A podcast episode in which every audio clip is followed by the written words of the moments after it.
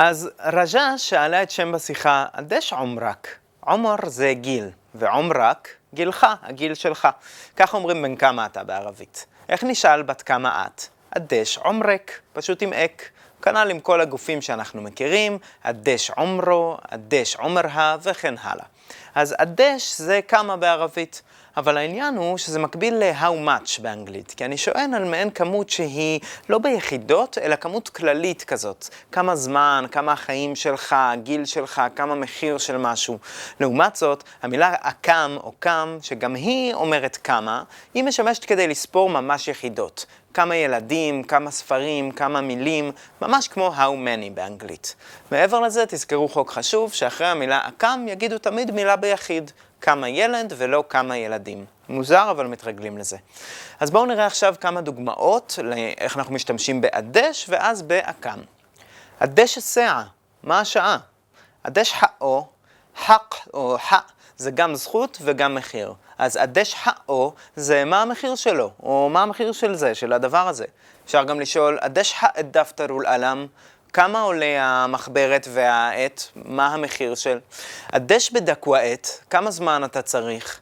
הדש תאריך אל-יום, מה התאריך היום? הדש משחול אינטה, כמה אתה עסוק? ואלה מספיק דוגמאות למילה הדש. בואו נראה את המילה אקם. אקם וולד עינדק? כמה ילדים יש לך?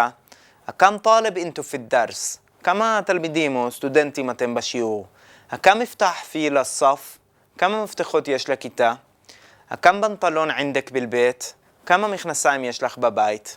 שאלות מצחיקות. שימו לב שעד עכשיו באמת ראינו שאחרי אקם מופיע שם עצם ביחיד, ואותו דבר אנחנו יכולים גם כדי לשאול כמה אנשים, אנחנו נשאל אקם וחד, כאילו כמה אחד. נגיד נשאל, אקם וחד אינטו פי סוף? כמה אנשים אתם בכיתה? כמה אחד אתם בכיתה? שימו לב גם לאות השמש, פי סוף, בכיתה.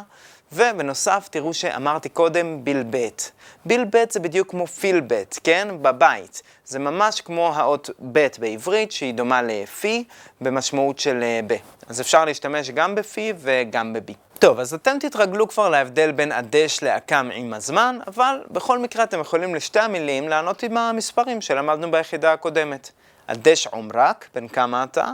21, 21. אקם וולד עינדק, כמה ילדים יש לך? תלאטה, ממש אותו דבר. את המספרים שראינו עד עכשיו אנחנו יכולים להגיד לבד, 2, 3, 5, 27. עכשיו בואו נדבר רגע על מה שנקרא המספר המונה, שבעצם מגיע בצמוד לדבר שאותו הוא מונה או סופר. למשל, איך תגידו שלושה ילדים, ארבע בנות, ולא רק את המספר שלוש או ארבע לבד, כל מה שצריך לעשות זה פשוט לקצר קצת את המספר לפני שאתם אומרים את המילה שאותה אתם סופרים. אז כמה וולד עינדק, כמה ילדים יש לך, או שאני עונה תלאטה, שלוש, וזה בסדר גמור, או שאני עונה תלת וולד, שלושה ילדים, או תלת בנת, שלוש בנות. שימו לב שבשונה מעברית, אין לנו פה הבדל בין זכר ונקבה, שלוש ושלושה. זה פשוט צורה ארוכה וקצרה. זה ממש ממש מקל. אז בואו נראה רגע את שאר הצורות הקצרות, ונשתמש נגיד במילה בנת.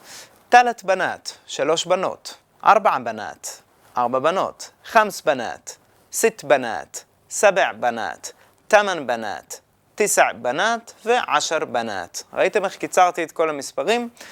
ככה שלוש בנות, ארבע בנות וכן הלאה. יחסית קל, נכון?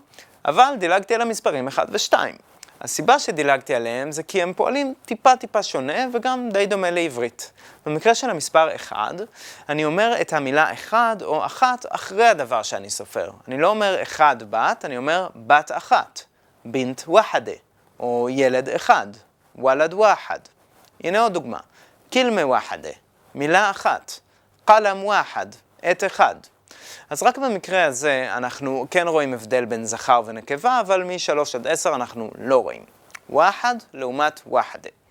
לגבי 2, אנחנו לוקחים את שם העצם ופשוט מוסיפים לו n בסוף, כדי לעשות את זה 2. וולד זה ילד, וולדן זה שני ילדים. בינט זה בת או ילדה, בינתן זה שתי בנות. אז את זה אינשאללה אנחנו כבר נתרגל עוד יום, יומן, יום, יומיים, או אולי אוסבוע, אסבוען, שבוע, שבועיים, משהו כזה.